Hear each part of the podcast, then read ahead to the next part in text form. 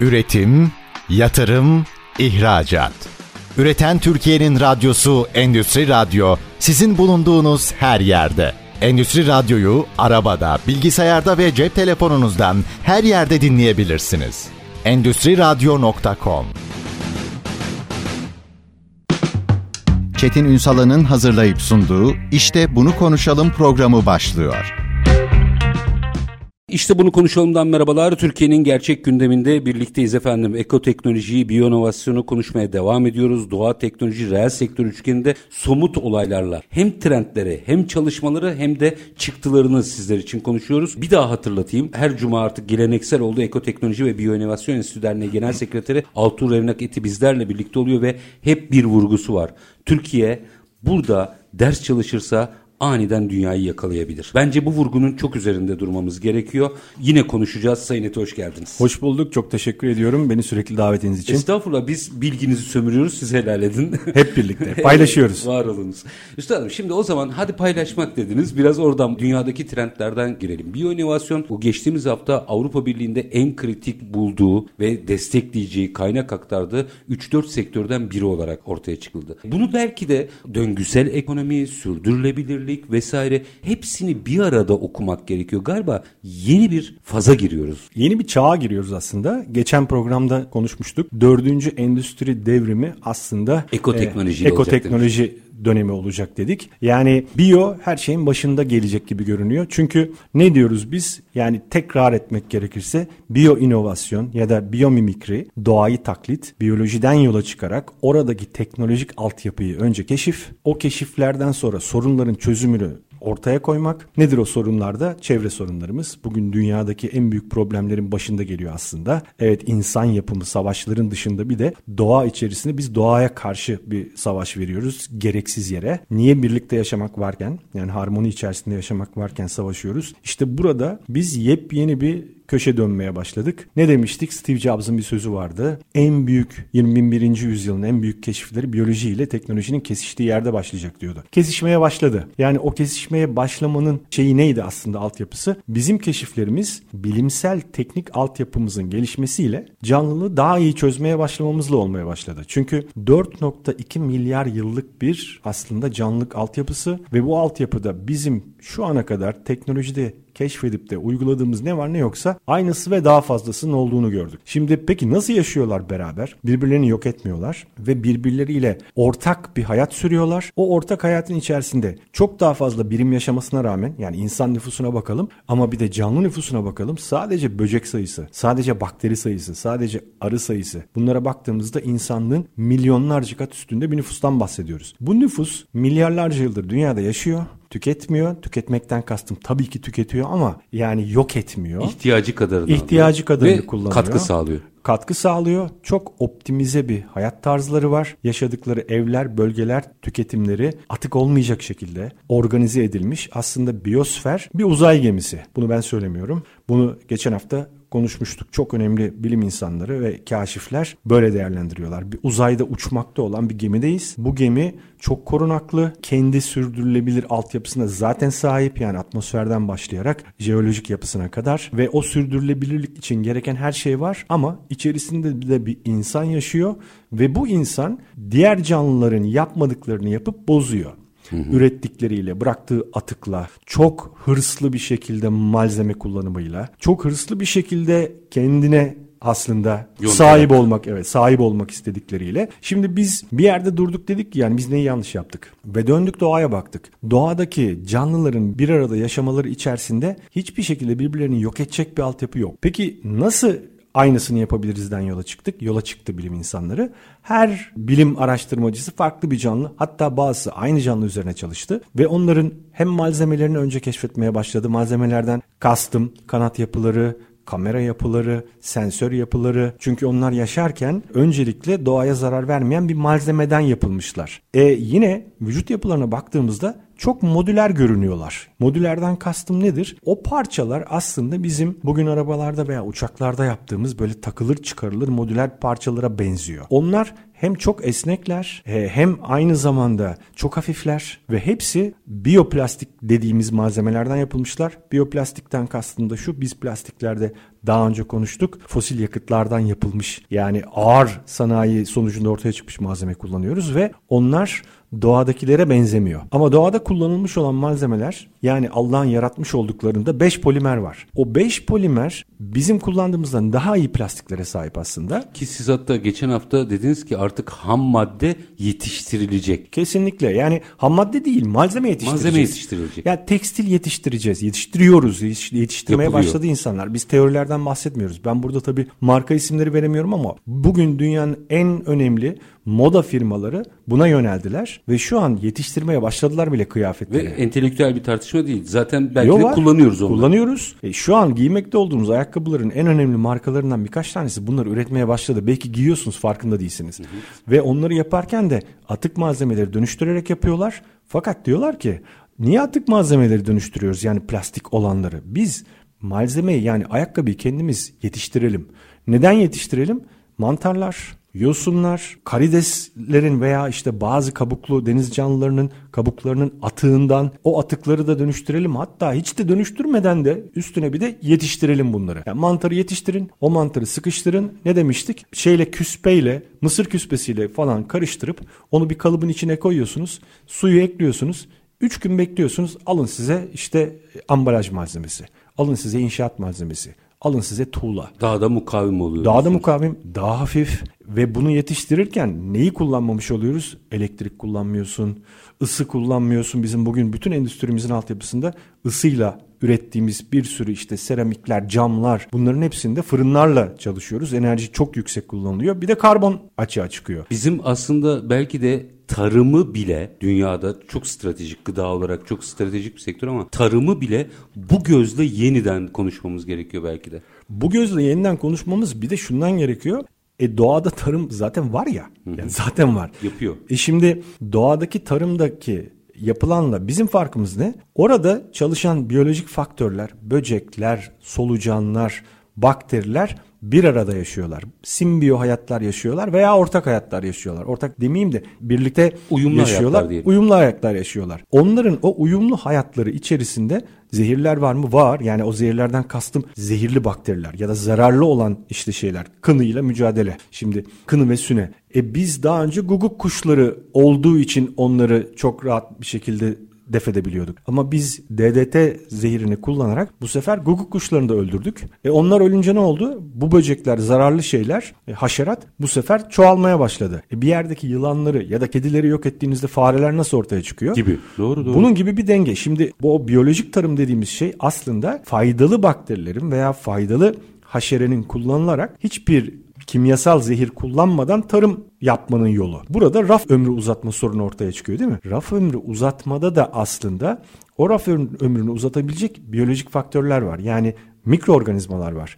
O mikroorganizmaları kullandığımız zaman raf ömrünü de uzatacak hale geliyoruz. Onun dost olanını kullanmamız gerekiyor. Yine doğaya bakarak bunu gerçekleştireceğiz. Yani doğada her şeyin çözümü var. E niye var? Zaten 4 milyar yıldır bu gayet güzel çalışıyor. Daha çok verim veriyor ve biz bugün Amerika'da yeni e, tarım uygulamaları içerisinde bakıyoruz ki tek türü tek tarlaya ekmiyor mesela adam. Aynı ormandaki gibi aynı doğal şeylerdeki kırlardaki gibi türleri yan yana koyuyor. Neden e, şey kırlardaki o türler yan yana büyüyorlar? Çünkü biri birinden bir destek alıyor biri öbürünün haşeresini kırarken ona besin sağlıyor. Dolayısıyla onun şeyini arttırıyor. Bu da aslında bizim yeni üretim modelimiz. Değil mi? Yani geçen hafta konuştuk ya bununla ilgili kümelenmeler oldu diye. İşte e, Danimarka'dan örnek vermiştik. E, birkaç ülkede bunlar başladı. 30 fabrika beraber bir yerde bir şey dönüşümsel ekonomi köyü kuruyorlar. O köy içerisinde farklı farklı ürünler üreten fabrikalar e, altyapıda birbirleriyle tam bir bağlantı kurmuş bir şekilde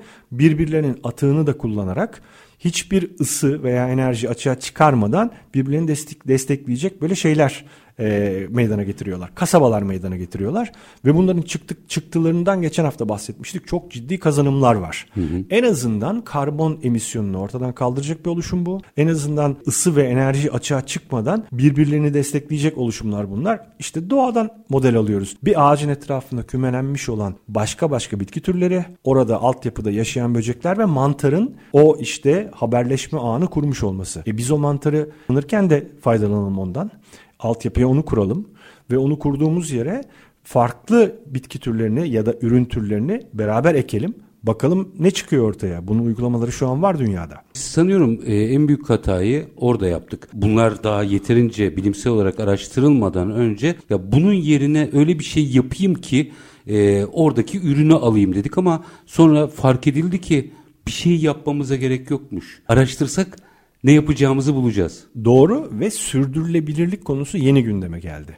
Yani 21. yüzyılın konusu oldu. Sürdürebilelim. Yani şu an atığımız çok fazla ve dünyayı zehirlemeye devam ediyor. Sadece bizim havamızı veya suyumuzu zehirlemek değil, e canlıları da ortadan kaldırıyor. Tabii. Ve her canlı türünün belli bir gerçekten dengesi var. Yani bugün bizim her an oksijeni alabilmemiz için yani gerekli olan oranı biliyoruz. %71.111 bir su oranına sahibiz. %21 civarı bir oksijen oranına sahibiz. Bu biraz azalıyor, biraz artıyor yüksekliğe bağlı olarak ama bu oksijenin devamlı e, yeryüzünde temiz kalabilmesi için çalışan mikroorganizmalar var. Sadece ağaçlar değil. Ağaçlar evet %30-35'lik bir miktarı üretiyorlar. Ama geri kalanını 65'lik miktarı belki şeyler mikroorganizmalar üretiyor. Denizlerdeki diatomlar, havadaki bakteriler. Şimdi bu o kadar kompleks bir sistem ki siz düşünün ben size desem ki bir fabrika veriyorum buradaki havayı devamlı %21 oranında tutacaksın. Ya nereden bileceksin onun matematik hesaplarını? Yani hangi bakteri ne kadar üretiyor? Diğer canlılarla nasıl haberleşecek? Ya nereden biliyor bitki şey bitki ne kadar üretiyor, bakteri ne kadar üretiyor? Onların programına yazılmış bu. Fakat o türün oranını biz zehirleyerek azalttığımızda bu sefer sıkıntı ortaya çıkıyor. Ne oluyor? Onlar azaldığında oksijen üretim oranı bu sefer azalmaya başlıyor. İşte karbon salınımındaki sıkıntı bu.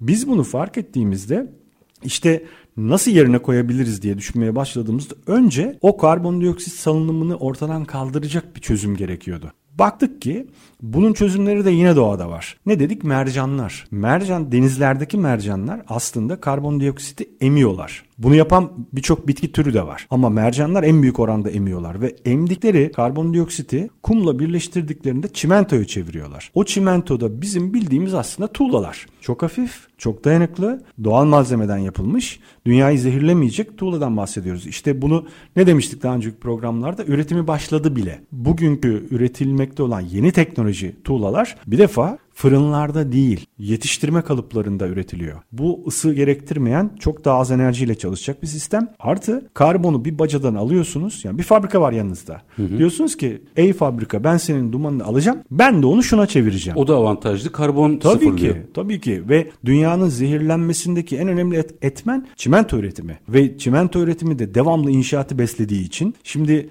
inşaat dünyası ve mimarlar oturdular dediler ki yani biz yeni malzemelere ihtiyacımız var. Bu yeni malzemeler öyle malzemeler olsun ki bir doğayı kirletmesin, iki daha dayanıklı olsun, daha hafif olsun, depremlere dayansın. Hı hı. Çok önemli. Esnek olsun. Bütün aslında canlılığın altyapısı bunun özelliklere sahip. Sürdürülebilirlik de işte bunu hemen yanında getiriyor zaten. Tarımda da sürdürülebilirlik yeni fark ettik. İşte bütün endüstriyel altyapıda üreteceğimiz her şeyde sürdürülebilirlik. E şimdi burada o zaman doğaya baktığımızda biz bu dönüşümü nasıl kolaylaştırabiliriz diye düşünmeye başladı tasarımcılar. Dediler ki modüler üretimler yapalım. Parçalar üretelim. O parçaları birleştirerek büyük parçalar yapalım. Mesela bugün inşaat sektörü, sektörü demeye başladı ki binalarımızı modüler parçalarla inşa edelim. Hem hafif malzemelerden yapılsınlar, dayanıklı olsunlar. Bunda çok yeni alternatif malzemeler var. Kağıt bile bunlar içerisinde var. Kağıt. Evet. Yani kağıdı biz kompozit malzemelerle dayanıklılığını en yüksek hale getirip depremlere en dayanacak şekilde tuğlalar artık üretebilmeyi öğrendik. Mantarı kullanıyoruz mesela, kağıdı da kullanıyoruz. Şimdi bunu birazcık daha detaylandıralım istiyorum. Yani biyo malzemeleri biraz açalım. Hatta ne getirdiğini konuşalım. Örnekler verelim. Minik bir araya gidelim. Tamam. Aranın ardından biyo malzemeleri konuşacağız. Çünkü belki de bugün yaptığınız işin veya ürettiğiniz mamulün yeni hali. Bence buna ders çalışmak lazım. Ekoteknoloji ve Biyoinovasyon Enstitüsü Derneği Genel Sekreteri Altur Revnak ile işte bunu konuşalım diyeceğiz. Lütfen bizden ayrılmayın. Üretim, yatırım, ihracat. Üreten Türkiye'nin radyosu Endüstri Radyo sizin bulunduğunuz her yerde. Endüstri Radyo'yu arabada, bilgisayarda ve cep telefonunuzdan her yerde dinleyebilirsiniz. Endüstri Radyo.com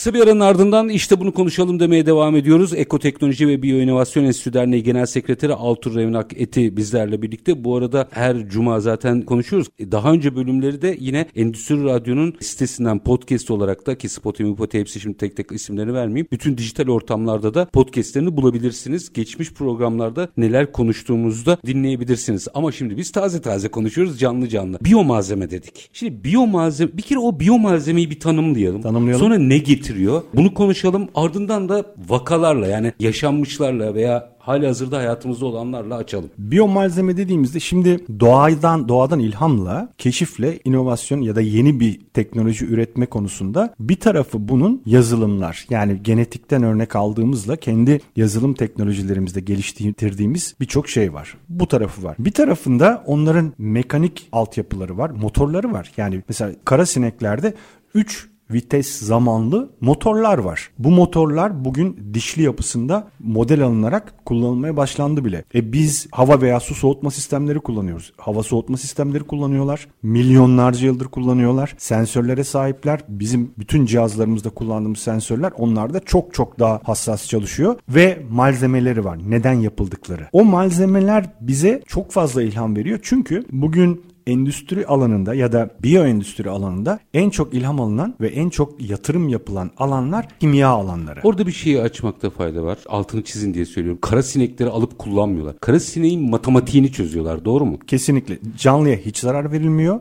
Eski biyolojide olduğu gibi laboratuvarda bir canlı üzerinde testler yapılarak değil, canlı İncelenerek. Evet, canlı incelenerek o malzeme veya o sistem nasıl çalışıyor onu ilham alacak şekilde görsellerle, kameralarla o canlıdan model alınan önce matematikle canlının tasarımını model Yani alıyorsun. bizim bugün bildiğimiz anlamda tersine mühendislik yapılıyor aslında. Tam öyle yapılıyor ve oradan mesela önce matematik altyapısından esinleniyorsun. Sonra malzemesine giriyorsun. Hangi kimyasallar kullanılmış ona bakıyorsun. Bunun için canlıya hiç zarar vermek gerekmiyor zaten. Sonra ondan modelli olarak bizim kimyasal periyodik şeyimizde cetvelimizin üzerinde hangi kimyasalları kullanırsak bu canlıya benzer bir esneklik, sağlamlık, hafiflik ve doğaya dost malzeme tasarlayabiliriz. üzerine Biyomalzemeler böyle çıkıyor. Biyomalzemeler böyle ortaya çıkıyor. Ve burada tabii bizim aramızın açık olduğu konu ne demiştik daha önce? Bizim ürettiğimiz malzemeler fosil yakıtlar kullanarak ürettiklerimiz 300 tane polimerden yapılıyor. Ama canlı sadece 5 polimerden yaratılmış bir altyapı üzerinde. Dolayısıyla o 5 polimerden yaratılmış olan canlının bıraktığı atık sıfırken bizim bıraktığımız o 300'ü temizleyebilecek doğada bir canlı olmadığı için ya da çok geç temizledikleri için çünkü o plastikleri biliyoruz ki bin yıl alıyor bakterilerin onları kırıp tekrar toprağa dönüştürmesi için. Ama ne dedik geçen programda? Mantardan yapılmış bir ambalaj malzemesini kırın, bahçenizdeki tarım yaptığınız toprağın içine atın. Parçalanması bir ay sürecektir ve o parçalandığında da gübre olacaktır. Yani doğal üretim malzemesi Tabii ki, gelir. tabii ki. Sandalyeni bundan mı yaptın? Sandalyen kırıldı mı? At toprağa gübre olsun. Böyle de güzel bir malzemeden bahsediyoruz. Ve mantardan yapılmış bir malzeme size belki sağlam gibi teorik olarak gelmeyebilir ama daha sağlam, daha hafif, ısıya daha dayanıklı, su geçirmez. Hatta şöyle düşünün bir de birçok canlının kendi malzemeleri üzerinde antibakteriyel yapılar var. Yani mikrop tutmuyor. Mikrop tutmayan sandalye masadan bahsediyoruz. Çarşaflardan İnovasyona bahsediyoruz. E tabii şimdi bunu siz sadece tasarımla gerçekleştirebiliyorsanız ne dezenfektana ihtiyaç kalıyor ne kimyasal bir zehir şeyi kullanmanıza gerek kalıyor. Dolayısıyla o temiz malzemeyi daha üretirken hatta yetiştirirken sağlamış oluyorsunuz. Şimdi Burada çok özür diliyorum. Araya giriyorum ama Tabii, tabii, hatırlatmak anlamında söylüyorum. Mantarlar bir de çünkü bunun çok üzerinde duruyorsunuz. Kritik nokta burası diyorsunuz. En kolay yetiştirilebilir türler galiba değil mi? 2-3 gün. Yani rahatlıkla Tabii o ki. malzemeye herkes ulaşabilir. Tabii ki. E, sistematiği kurduğunda. Neden bahsetmiştik malzemede doğal plastiklerden bahsediyorum, biyoplastiklerden bahsediyorum. Plastik derken bunlar plastik değil. Ama Plastiğin yerine geçecek malzemeler. Mantar dedik. iki kenevir dedik. Çok önemli. Bizim 1960'larda mıydı tam Tabii, tabii, hatırlamıyorum. Çok güçlü olan kenevir yetiştirme altyapımız 70'lerde. 70'lerde Amerika tarafından durdurulup ondan sonra o koca endüstri ortadan kalkmıştı. Bugün Amerika bize bunu yapan kenevir yetiştirmeye başladı ve Doğru. kenevir de dünya tekelini artık elinde tutmaya başladı. Çok kolay yetişen, bizim topraklarımızda da çok kolay yetişen. Bugün bizim de siyasilerimiz içerisinde kenevir üzerine gidenler var ki lazım, kesinlikle lazım. Çünkü çok önemli bir ham madde bu. Mayalar Yani 70'lerdeki ambargonun esas nedeni Kıbrıs çıkarması değil kenevirdi aslında. aslında.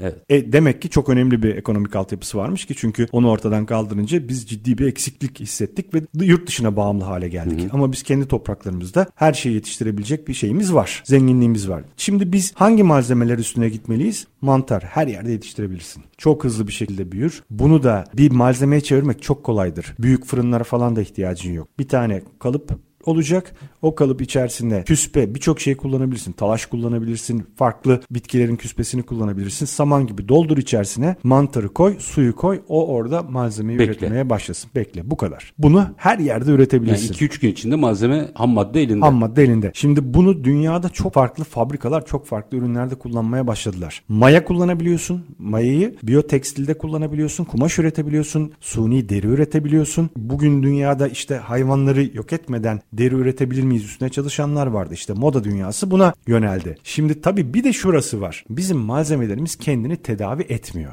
Ne demek bu? Kendini tedavi etmek. Malzemenin kendini onarması. Biz devamlı kırılan ele- elektroniklerimiz, devamlı çarpılan arabalarımız, işte eşyalarımızın kırılması, çatlaması vesaire camlarımız devamlı atıyoruz. Attıkça da atık birikiyor. Peki doğada neden kırıklar, çatlaklar ve atıklar yok? Çünkü Kendini kendini, tedavi tedavi, ediyor. ediyor. Bu onarıyor. da mümkün mü? Yapıldı bile. Yapılmışlardan bahsediyorum. Ben ileride yaparız keşke demiyorum. Yapıldı. Bunlara kendini onaran malzemeler deniyor. Self X materials deniyor buna. Bu kendini onaran malzemelerde o kadar büyük bir çeşitlilik var ki dünyada. 20 yıldır bunun üzerine çalışan çok bilim insanı var. Şimdi kendi kendini onaran materyaller aslında sadece bir başlangıç. Bundan 10 yıl sonra bitkilerdeki fotosentetik süreçten esinlenerek nefis, nefes alan, gündüzleri karbondioksit emen ve geceleri oksijen salan gökdelenler göreceğiz. Fotosentez yapacak yani Evet, gökdelen. evet. Veya tıpkı bazı hayvanların ortamlarına uyum sağlaması gibi yol ve hava şartlarına göre şekil değiştiren araçlar göreceğiz. Yani motosikletlerimiz, arabalarımız genişleyecek, yükselecek, alçalacak. Ondan sonra yapılarını değiştirmeye başlayacak. Batman'in aracı gibi. Evet. Bunlar e şimdi Batman'in aracı ya da bu hani hayali kahramanlar diyelim. Marvel filmlerinde gördüğümüz o süper kahramanlar çocuklar bayılıyor ya. E canlılar bunlar. Zaten canlılarda o süper özellikler var. Onlar zaten yaşıyor. Şimdi ben hep onu söylüyorum. İlkokul ya da daha öncesi bir şeye, çocuğa canlıları anlatın. Zaten onlar süper kahramanlar. Ya siz zaten bunu sahada anlattınız ve reaksiyonu biliyorsunuz yani. Anlatıyoruz. Zaten süper kahraman dolu doğa. Yani bu programda da örneklerini veriyor olacağız. E onlar böyle hani yanmayan, ıslanmayan, hatta işte havadan su üreten sensörleriyle bizim radarlarımız gibi çalışan, jammerlarımız gibi çalışan, ondan sonra birçok özelliğe zaten sahipler. E şimdi bu özelliklerle donanmış milyarlarca yıldır yaşayan bir canlılık altyapısı biz de hayali işte süper kahrama- kahramanlar üretiyoruz. Şimdi örneklerini ufak ufak verdiğimiz zaman herkes onu çocuklarına da anlatacak. Hatta ben bazı konferanslarda sivrisineği anlatıyordum. Sivrisinek bir cerrahtır yani. Bildiğiniz ameliyat yapar antiseptikle. Hepimizden kan aldığı kesin. Evet. E şimdi bunu yaparken ki o özelliklerini dinleyen çocuklar eve gittiklerinde veliler beni arıyorlar diyorlar ki bizim çocuk iki buçuk saattir bize sineği anlatıyor. Çok etkileniyorlar çocuklar ve ondan sonra bir zararı tabii ya biz bu pek şu anlamda şey hoşumuza gitmedi çünkü sinek öldürtmüyor bu sefer çocuk evde Hmm. diyorlar. Yani bu sinekler o kadar değerli ki onları öldürmeyelim diyor çocuk. Niye cerrah sivrisinek? Onu, Niye? Çünkü onu küçük bir örnek. ıskalamayalım. Dört başlıklı bir bıçaktan bahsediyoruz. Her başlık matkap gibi vuruyor. Böyle saniyede 200 vuruş falan yapıyor. Ama o vuruşları yapmadan önce geldiğinde önce bir oraya bir sıvı püskürtüyor. O püskürttüğü sıvı orayı uyuşturuyor. Sizin hissetmemeniz için uyuşturduktan sonra önce ilk iki bıçakla vurmaya başladığında kan tabi deldiği yerde bir anda patlayıp çok büyük bir basınçla yukarı çıkacağı için başka bir sıvıyla şey yapıyor basınç dengeliyor. Yumuşatıyor. Yumuşakça çekmeye başlıyor. Ama çekerken tabii insan vücudu savunma sistemi alarma geçip pıhtılaşmayı hemen orada ortaya çıkaracak bir şey salgılıyor. Bir savunma sıvısı salgılıyor ki belli proteinler oraya gelip orayı pıhtılaşmaya kabuk bağlatacaklar. Bundan ne ürettiler mesela? Neye ilham oldu bu? Şey acı hissettirmeyen neşter üretildi. Onu da hemen söylüyorum. Bir sıvı daha sıkıyor, pıhtılaşmayı engelliyor bu sefer. Ha, ona da savaşıyor. Onunla da savaşıyor. O en son kanı çekerken bir antiseptik sıkıyor oraya. Biz orada hissediyoruz. Şimdi bundan yola çıkarak üretilmiş bir neşter var şu an. Acı hissettirmeyen neşter deniyor buna. Sivrisinekten öğrendik. Sadece sivrisineğin o kan çekme mekanizmasını anlatıyorum. Onun bambaşka özellikleri var. Bazı sinekler var tatarcık türleri. Saniyede 2242 kere kanat çırpıyor. Bakın 2242. Böyle bir motor düşünsenize. Şimdi bizim motorlarımız formülü araçları saniyede kaç devir yapıyor? Ben şöyle söyleyeyim. Dakikada 600 devir falan yapıyor. Bu saniyede 2000 devirli bir motordan Saniyede. bahsediyoruz. Isınmıyor. Yanmıyor. E şimdi böyle bir motorun soğutma sistemini ben olsam araştırırdım yani nasıl olduğunu. Birileri araştırıyor tabii zaten. araştıranlar var. Yarın öbür gün de araç olarak bize verecekler. Evet. Satacaklar. Evet. Şimdi yapısal malzemelerde şimdi birincisi şuna bakıyoruz biz. Neyi yapmak istiyoruz doğadan model alarak? Kendini onaran malzemeler dedik. Bunu bir kenara koyduk. Yapısal malzemeler, matematiksel yapıları, kimyasal birleşenleri, tuğla fiber yapıları. Bunlar çünkü hep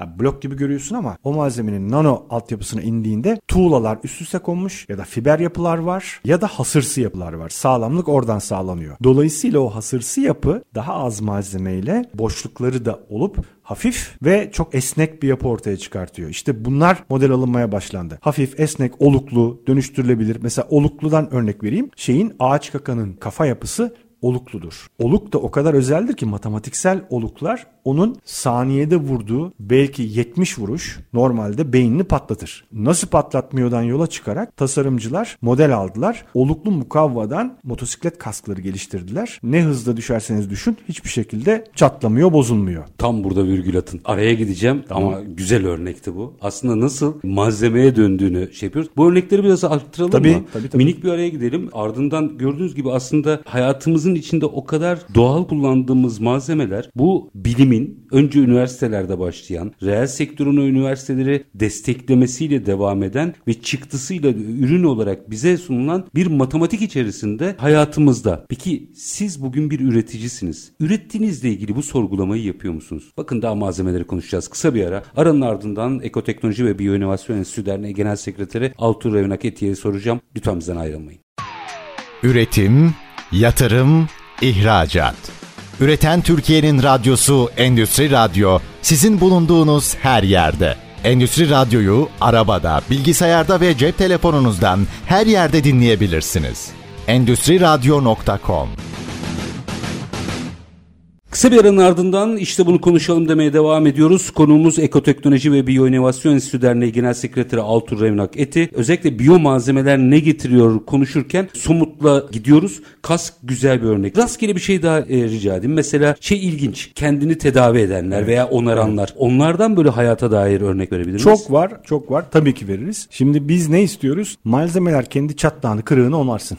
Esnek olsun, hafif olsun. Dolayısıyla bunların hem üretimi daha ucuza gelsin, bakımı, bakım çok büyük bir maliyet. Tabii. Bilhassa inşaat malzemeleri, bilhassa elektronikler. Onlarla ilgili çok çalışma var ve çok fazla ürün ortaya çıktı. Şimdi son 10 yılda kendini onaran materyaller doğasında biyolojik olarak ilham alan böyle büyüleyici bir araştırma konusu. Kendi kendine iyileştirme etkileri, iyileştirici bir ajanla doldurulmuş mikro kapsüllerle çalışıyor. Çünkü canlılık altyapısında da böyle çalışıyor. Bizim yaramızın vücudumuzda bir yara olduğunda ya da bir ağaçta bir çatlak meydana geldiğinde orada zaten bulunan mikro kapsüller ya da mikro ajanlar devreye giriyor. Aynısını kendi malzemelerimizde kullanmaya başladık. Şimdi birincisi malzemenin kendisinin o çatlağa, çatlağın büyümesine izin vermeyecek bir altyapıda olması bunun bir tarafı. Mesela Hasarı bir durduruyor. Evet şimdi bu midye, istiridye ve dişimizde var. Dişimizin altyapısında da yani bunlar üst üste dizilmiş böyle kirişlerden oluşuyor. Yani tek blok bir malzeme değil. Diş minesine baktığımızda ya da midye ve istiridyeye baktığımızda polimerlerle bunu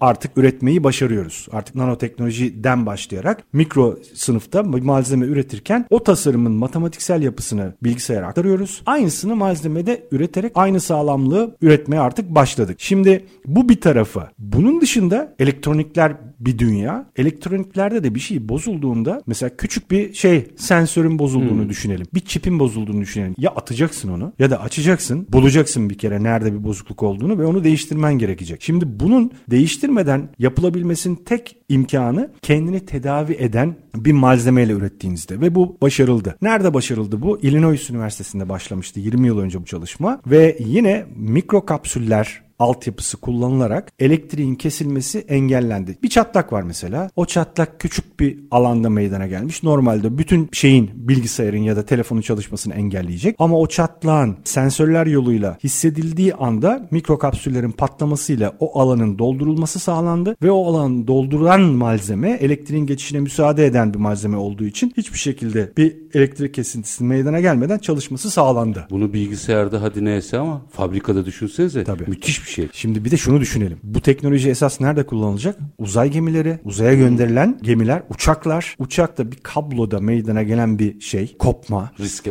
risk çok büyük. büyük bir risk meydana getiriyor. Ve bugün artık 3-4 saniyede kendini tedavi edebilecek elektronikler üretilmeye başlandı. Ve bu bugün uçaklarda da kullanımı başladı. Ama sadece elektroniğinde değil, malzemenin de çatlağında. Şimdi uçakta yüzeyde bir çatlağın meydana geldiğini düşünün. Orada çok büyük bir sıkıntı meydana geliyor bir süre sonra. Çünkü o çatlak büyüyerek bir süre sonra yani kanadın kopmasına kadar varacak. Sürtünme artıyor. Tabii sürtünme uçuyor. artıyor. Ama bu çatlağın kendini onarabileceği malzemeler artık yapılmaya başlandı. Bunu biz uçaklarda, arabalarda kullanıyor olacağız. Şu an biz betonda, asfaltta ve köprülerde de kullanmaya başladık. Bunda da yine bazı deniz canlıları mesela geçen hafta bahsetmiştik. Şey ne sepeti deniyor? Sepet e, şeyi süngeri. Hmm. 500 metrelerde falan yaşayan bu canlı o sepetsi yapıyı camla üretiyor. Ha evet. Şimdi Bu camla üretiyor. Cam şimdi deyince. cam teknolojisi bizim için yeni biliyorsunuz. Hı hı. 3000 şey e, derecelik fırınlarda üretiyoruz camı ama su soğukluğunda camdan bir kafes üreten bir deniz canlısından bahsediyoruz ve bu deniz canlısı o kafes yapıdaki matematiksel altyapının keşfedilmesiyle bugün o giriş sistemi hem gökdelenlerde hem köprülerde kullanılmaya başlandı. Mukavemeti bizim kullandığımız köprülerden 4 kat daha fazla ve o şeye esnekliği deprem durumundaki esnekliği bizimkilerden çok çok daha şeyde ileride. Şimdi dolayısıyla onun bir matematiksel altyapısını örnek aldık. Malzemesine geldiğimizde onun camsı yapısı da aynı zamanda sonradan keşfedildi ki altyapısında fiber optik ışık ileticilerine sahip. Niye fiber optik kullanıyormuş bu canlı? Çünkü 500 metre artık ışığın ulaşmadığı bir yer. Ha, evet doğru. Ve, ve bu canlının ışığı kullanması gerekiyor. O ışığı neyle alıyor? İşte o fiber optik altyapı, o malzeme altyapısının dışında da böyle bazı uzantıları var. Tabii biz bu anlatımı normalde konferanslarda yaparken videolarıyla, resimleriyle yapıyoruz. Ama çiçeksi bir yapıdan bahsediyoruz. O çiçeksi yapının uzantıları o azıcık inen ışığı bile yakalayıp güçlendirip hiçbir kayıp olmaksızın fiber optik altyapıyla bütün vücuda taşıyor. Dolayısıyla biz bugün fiber optik teknolojimizin gelişmesini de bu tip canlılara borçluyuz aslında. İşte bu da onlardan bir tanesiydi. Şimdi kendini tedavi eden malzemelerde dediğim gibi inşaat sektörü çok kullanıyor elektronik sektörü kullanmaya başladı. Biz bunu ileride kumaşlarımızda da kullanacağız. Ya bir dakika oraya kumaşları açalım da inşaat sektörü deyince bir şey geldi aklıma birazcık kıpır kıpır da olduğu için. Düşünsenize bir malzeme kendini 3-4 saniyede tedavi evet, edebiliyorsa evet. bina yıkılmaz ki. Tabii ki işte zaten bundan bahsediyoruz. Yani bizim bugün ağaçlar gibi binalar yapmak istememizin nedeni bu. Tabii ki ağacın kökü esas söz konusu. Tabii konu onun köküne dayanıyor. Ama biz de temellerde ondan mutlaka örnek alacağımız çok şey var. Ama ağacın yaşayan bir bina olması çok önemli. Bugün dünyada bazı örnekleri var. Yaşayan binadan kastımız bizim isteğimiz aslında bir içinde kullanılacak olan malzeme çok hafif olmalı. Yani o bina hem hafif olacak hem yapısı bizim bugün kullandığımız beton, çimento, demir yerine doğada kullanılmış olan malzemelerdeki işte ağaç. Bunun çok önemli bir örneği. Ağaçta kullanılmış olan selüloz yapı çok güçlü bir malzeme aslında. Bugün dünyanın en güçlü şeyi, tuğlası selüloz ve mukavva karıştırılarak yapılmış bir malzeme. En güçlüsü. Yani basınç deneylerine en mukavim, mukavim. olan malzeme seçildi ve bu bir doğal malzeme. Yani içerisinde bunu tabii bir kompozit bir malzeme olarak yapıyorsunuz ve oluklu. İçi boş ve o, o içi boş yapı hem şoku emebilecek hem titreşimleri o çatlamaya dair olan şeyleri emebilecek ve artı çatlamada da kendini onarabilecek malzemeyle yapılacak. Biraz evvel dedik ya nefes alan binalar. O nefes alan binaların içerisinde konumlandıracağımız odalarda da başka bir canlıyı örnek alacağız. O da termit. Termitlerin evlerini bugün incelediğimizde şunu görüyoruz. Karınca büyüklüğünde bir canlı. 2 milyon termit bir binada yaşıyor. Şimdi 2 milyon insanın yaşadığı bir bina düşünün. Bu binada havalandırma o kadar güzel çalışıyor ki ısıyı 25 ila 28 derecede sabitlemişler. Ve Afrika sıcağında yaşayan bir canlıdan bahsediyoruz. Şimdi bunu sen elektrik kullanmadan nasıl yapacaksın? İşte termit binasını incele. Nasıl yaptıklarına bak ki bunu yaptılar. Bundan model alarak da bugüne kadar iki yerde bina geliştirildi. Birisi şeyde Harare Zimbabwe'de bir tanesi de İskoçya'da. Yapıldı yani. Yapıldı. Bu binalar 20 yıl önce bir tanesi yapıldı. Herhalde 10 yıl önce bir tanesi yapıldı. Ve bugün normalde kullanması gereken elektriğin %50'sini kullanarak binayı sabit bir ısıda tutabiliyor. Ama termite baktığımızda sıfır elektrik kullanıyor. Daha orada değiliz. Ama yine de öğrenmeye başladık. Önemli bir gelişme. Tabii termitlerin kullandıkları bacalar burada çok önemli. Bacaların matematiksel altyapısı önemli. Bir de içeride onlar o havalandırmayı sağlamak için ne yapıyorlar biliyor musunuz? Mantar yetiştiriyorlar. Yine mantar geldi.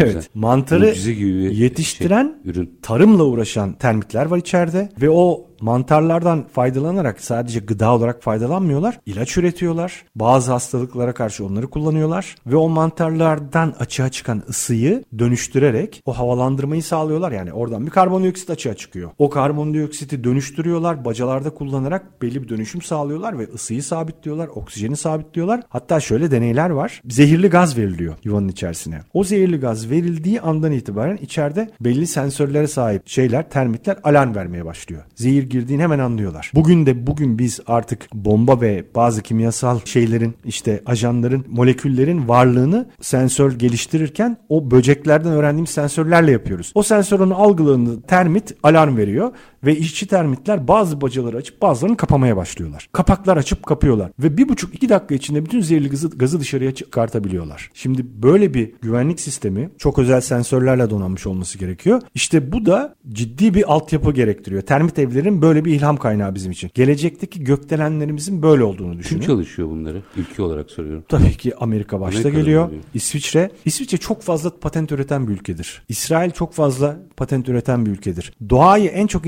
inceleyen bir kere Amerika. Yani bu biyomimikri bizim bu kullandığımız biyo inovasyon konusu oradan çıkışlı zaten. Ama Avrupa Birliği de bugün biyonik adı altında üniversitelere koyduğu bir eğitim alanı var. Destek veriyor zaten. Tabii. Geçen verdim Tabii. haberini. Avrupa Birliği'nin bugün biyo inovasyona verdiği desteğin altyapısında üniversiteler çalışıyor ve buzun hani sıfır atık konusunu nasıl sağlayabileceğimizin bilim dalı bu olmuş oluyor zaten. Yani yakında Ama çok bu- daha fazla konuşulduğunu duyacağız. Tabii bu e, sıfır atık veya karbonsuzlaşma ile ilgili kaygılarla geldi ama bu sizin bahsettiğiniz bambaşka bir ekonomi. Evet. Yani mesela Avrupa daha orayı görememiş bence. Karbonsuzlaşma hedefiyle gidiyor. Ama Amerika bu işi iyi endüstriye çevirmiş. Öyle anlaşılıyor. Çevirdiği gibi onun altyapısındaki eğitim sistemini de kurmaya başladı. Müthişsiniz. Yani ilk öğretimden itibaren. Tekstili atlamayalım. Orada ben inşaata girdim ama bir 3-4 dakikalık tekstil de açalım. Bir iki ama canlıdan örnek vereceğim. Lütfen. Yani somut örneklerle gidelim. Şimdi mesela en çok ilham alınan canlılardan bir tanesi mesela kelebek. Morfo kelebekleri özellikle. Şimdi biz önce rengi muhteşem renkler görüyoruz değil mi kelebeklerde? Aslında renk yok orada. Orada renk yerine ne var? Aynalar var. Fakat bu aynalar görebileceğimiz kadar büyük aynalar değil. Şimdi morfo kelebekleri çok enteresan. Pullar var. Bu pullar mikro ölçekte ama onun daha da içine giriyoruz. Bugün artık mikroskoplarla tabii görüyoruz. 3 dikey katman var. Nano ölçeğe girdik. En alt katman 3 ayrı katmana daha sahip. Şimdi bu katmanların arasında hava var. Her bir katman 90 nanometre kalınlığında. Bu ne demek biliyor musunuz? Milimetrenin 10 milyarda biri. Yani bir insan saçının kalınlığı 80 bin nanometre olduğunu düşünelim. 90 nanometre insan saç telinin birkaç binde birinden bahsediyoruz. Şimdi orta katmanda 1,5 mikrometrelik metrelik bir hava boşluğu var. İki tarafında da kolonlar var. En üst katman bal peteği şeklinde dizilmiş ama bal peteği de tabii bunu görmüyoruz. Nano ölçekte bir bal peteği. Böyle 2 mikrometre kalınlığında falan bir bal peteğinden bahsediyoruz. Şimdi burada neler oluyor? Burada bir kere renk aynalarla sağlanıyor. Işığı alıyor. Işığı da öyle güzel çekiyor ki kayıpsız. Şimdi buradan yola çıkarak hemen bir teknolojik gelişimden bahsedeceğim. Ama orada bir kere renki yansıttığını görüyoruz. Yani boya kullanmadan renk elde etmeyi bir kere öğrendik. Bunu nerede kullandık? Birkaç önemli marka var dünyada bugün. Ekran geliştiricisi, telefon ekranları, saat ekranları, bilgisayar Bir ekranları. de katma değerli sektörler. Tabii. Bunlar açık havada bile, aydınlıkta bile parlaklığı oluşturabilecek daha az enerjiyle çalışan ekranlar geliştirdiler bile. Bu elimizin altında. Şimdi burada enteresan bir konu var. Burada pigment falan yok burada. Tamamen ışığın yansımasından bahsediyoruz. Fakat burada tabii aynı zamanda o aynalar yani oradaki olukların içerisindeki ışığı yansıtırken de arka tarafta da yansıtıcı aynalar var. Bu da LED teknolojisi. İşte LED sistemlerimizi geliştirirken de faydalandığımız canlı yine kelebek oldu. Kelebekte çok yüksek verimli çalışan LED sistemler var. Şimdi başka bir keşif şu oldu. Yine kelebek kanatlarından hidrojen sensörleri. Şimdi hidrojen zehirli kimyasal ve o zehiri sensör yoluyla algılama aslında ciddi bir teknoloji istiyor. Potansiyel olarak zararlı bir gaz ve bu kullandığımız bugünkü sensörler yüksek sıcaklıklar gerektiriyor. 150 ila 400 derecelik yüksek sıcaklıklar kullanan teknolojiler gerektiriyor. Çok pahalı. Bu yüksek bir maliyet. Kelebek kanatlarının yüzeyinde bulunan çıkıntıları taklit ederek yeni sensörler geliştirildi. Fotonik kristaller var burada. Mikro yapılardan oluşuyor. Şimdi bu kristaller ışığı öyle güzel çekiyor ki ışığı çektikten sonraki aktarırken ki ortaya çıkan renklerden kimyasala gelen cevabı görüyorsunuz. Dolayısıyla o kimyasal oraya çarptığı zaman ne renk çıkıyorsa o kimyasalın neyinin daha fazla olduğunu oradan ayrıştırabiliyorsunuz. Dolayısıyla birinci ölçüm hidrojen için yapıldı. İkinci ölçüm de bomba sensörleri için yapıldı. Şimdi bomba sensörlerinde bizim algılayan bomba sensörlerimizle bugünkü kelebekten esinlenmiş bomba sensörleri büyüklüğü 300 kat daha küçük, 100 kat daha az enerji üreten minicik cihazlardan bahsediyoruz. Bunları neye koyacağız? Havalimanları, tırlar, gemiler çünkü bir şey taşıyorsunuz. Oradaki zararlı bir kimyasal var. Onu ölçmeniz gerekiyor. Minicik sensörler yoluyla artık bunu ölçecek hale geliyoruz. Kelebeğin kanatlarından aldığımız cevapla. Bu sensörleri gördüğümüz yöntemle ve bu kelebek milyonlarca yıldır bunu zaten kullanıyor. Bu güzel bir gelişmeydi. Güneş panelleri. Şimdi ne dedik? Bir tane kelebek türü daha var. Siyah gül kelebeği. Nano ölçekteki kanat tasarımı kayıpsız ışık absorbe ediyor. Bilim dünyası bunu araştırırken dedi ki ışığı kayıpsız yutan yutan, absorbe eden hangi canlılar var? Hemen kelebek burada öne çıktı ve bu kelebek kanatlarındaki nano yapılar film gibi güneş panelleri geliştirilmesini sağladı. Dolayısıyla artık biz bu filmleri kıyafetlerde bile kullanacağız. Camlarımızda her tarafta kullanacağız. Esnek olacaklar ve ışığı çok iyi şekilde yakalayacaklar. Sadece gündüz ışığını değil neredeyse geceliğin bile kullanabileceğimiz bir enerji üretecek hale gelecekler ki üretilmiş olan örnekleri bugün var çalışıyor. Bakın bir kelebek söyledik. Bir sürü başka üniversite tarafından geliştirilmiş teknolojilerden bahsettik. Şimdi başka bir canlıdan daha vaktimiz varsa bahsedeceğim. Vaktim yok ama kıyamıyorum da kesmeye.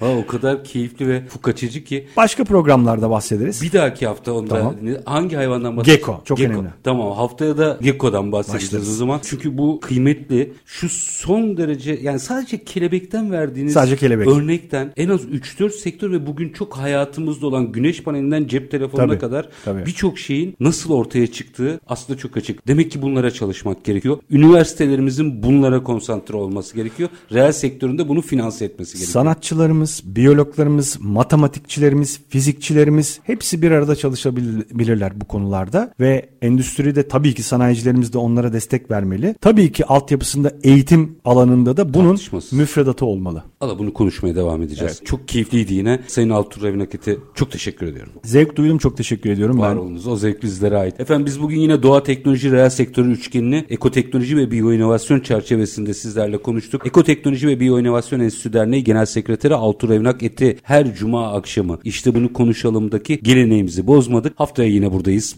Buradayız. Yani bir İnşallah olursa, buradayız. Sağlığımız yerinde olursa yine konuşmaya devam edeceğiz. Haftaya gekolardan başlayacağız. Başlarız. Daha çok canlıdan bahsedeceğiz. Harikasınız. Her zaman gibi bitirelim. İşinizi konuşun, işinizle konuşun. Sonra gelin işte bunu konuşalım diyeceğiz ama o işte bunu konuşalımın içini doldurarak gidiyoruz. Sağ olsun bugün de Cuma akşamları da Altur Evin Aketi bizlerle birlikte bir dipnot vereceğim kapatmadan önce. Bunun daha önceki bölümlerini kaçırdıysanız Endüstri Radyo'nun sitesine girin. Orada hepsi var. Tekrar görüşmek üzere. Hoşçakalın efendim.